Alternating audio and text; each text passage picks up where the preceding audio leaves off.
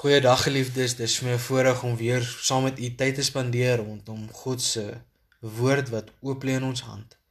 Mag dit vir ons elkeen 'n geseënde tyd saam wees.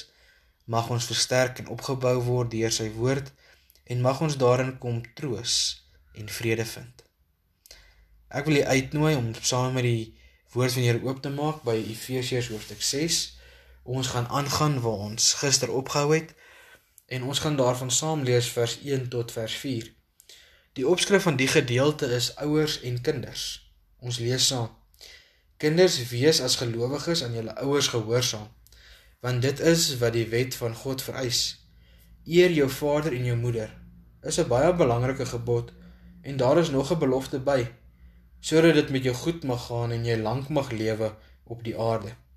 En vaders, Moenie julle kinders so behandel dat hulle opstandig word nie, maar maak hulle groot met tug en vermaaning soos die Here dit wil. Ons skriflesing vandag tot sover. Geliefdes, ek wil eerstens begin om te sê hierdie gedeelte kom maak nie 'n versoek bekend nie, maar kom plaas 'n plig op buite die kind, maar ook die ouer se lewe. En hier in die begin wil ek vir u sê dat ja in ons samelewing hier waar ons lewe elke dag, lewe ons in gebroke verhoudinge. Kinders word in gebroke huisgesinne groot. Ouers word vereensaam van kinders wat afstand doen van ouers. En dis hartseer. Maar ons het tog 'n verantwoordelikheid. En hier wil ek aan die begin vir u sê dat terwyl ons praat oor kinders en ouers, dan moet ons ook besef dat God die Vader ons se Vader is en ons sy kinders. So daar word met elkeen van ons gepraat vanuit ons geloofslewe uit hierdie teksgedeelte. As daar gepraat word met die kinders dan word daar gesê wees as gelowiges aan julle ouers gehoorsaam. So belangrik ons gehoorsaam wees en dan is dit aan die wet van God en dit wat dit vereis. En dit is eer jou vader en jou moeder. Elkeen van ons wat gelowig lewe, moet gehoor gee hieraan en ons moet ons ouers eerbiedig. En dit beteken net om te luister na wat hulle van ons vra. Om gehoorsaam te wees aan hulle opdragte. En dan gaan dit verder aan na word gesê dat daar belofte daarmee saam is sodat met jou goed mag gaan en jy lank mag lewe op die aarde. Nou geliefdes, ons sien 'n lang lewe as iemand wat oud word, maar dit lê nie net in ouderdom nie. Iemand kan 'n vol lewe hê en op 'n vroeë ouderdom sy aardse lewe verloor en nalatenskap agterlaat wat die lewe van menigte nog kan raak na die persoon se afsterwe. Daarom lê dit in die voorbeeld wat ons geleef het as gelowige wat hierdie lewe dan ook 'n lang lewe maak. En dan kom ons by die laaste vers wat ons saam gelees het waar vaders aangespreek word, maar wil ek vir julle sê dit is vir vaders en moeders. Onthou die Bybel is in 'n patriargale stelsel opgestel en geskryf. En daarom is daar baie keer meer aan mans geadresseer en is mans meer aangespreek as vrouens weens hierdie opvatting in die samelewing. Daarom en vaders en moeders moenie hulle kinders behandel dat hulle opstandig word nie, maar maak hulle groot met tug en vermaaning soos die Here dit wil. Geliefdes, as jy gepraat word van om kinders nie so te behandel dat hulle opstandig word nie, dan gaan dit oor die voorbeeld wat 'n kind vind in sy ouerskap. Jy sien woord en daad moet bymekaar uitkom. 'n Mens kan nie een ding sê en 'n ander ding doen en verwag 'n kind moet gehoorsaam wees en gehoor gee daaraan nie. Dit is waar opstandighede van op opstandigheid vandaan kom. Is wanneer daar 'n tweestryd is tussen reëls wat gehandhaaf moet word. Omdat daar nie 'n konsekwentheid en 'n regverdigheid gehandhaaf word nie.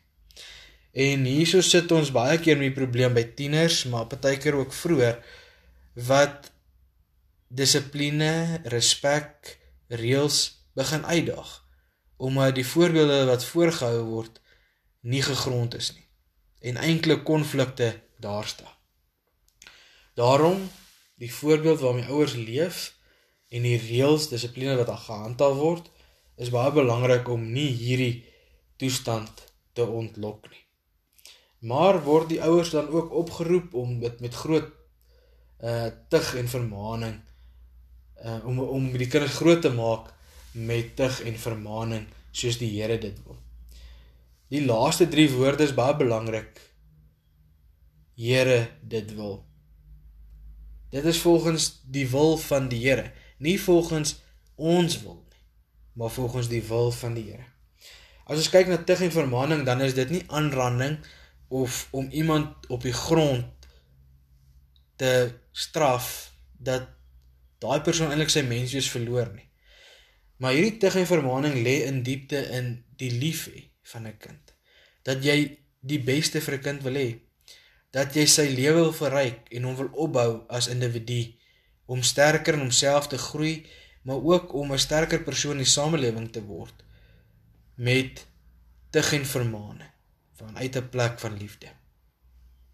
Geliefdes, mag ons vanuit hierdie paar verse weer ons verhoudinge binne die huisgesin evalueer en mekaar waardeer dat ons hierdie verhouding sal koester en sal weet dit is genade uit God se hand dat ons in hierdie verhoudinge mag staan en dat ons met dankbaarheid sal lewe elke dag mag dit vir ons elkeen waar wees dat ons as kinders gehoorsaam sal wees aan ons ouers maar dat ons as ouers ook gehoorsaam sal wees aan die Here se wil om kinders volgens sy wil groot te maak met tug en vermaaning met die klem op liefde.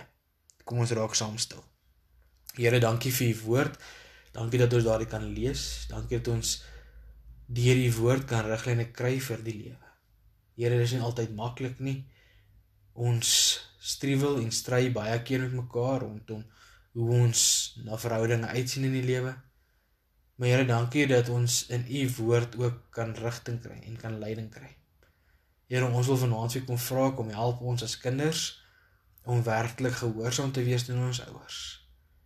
Maar Here, kom gee ook ons as ouers genade in die grootmaak van die kinders wat U aan ons toevertrou het.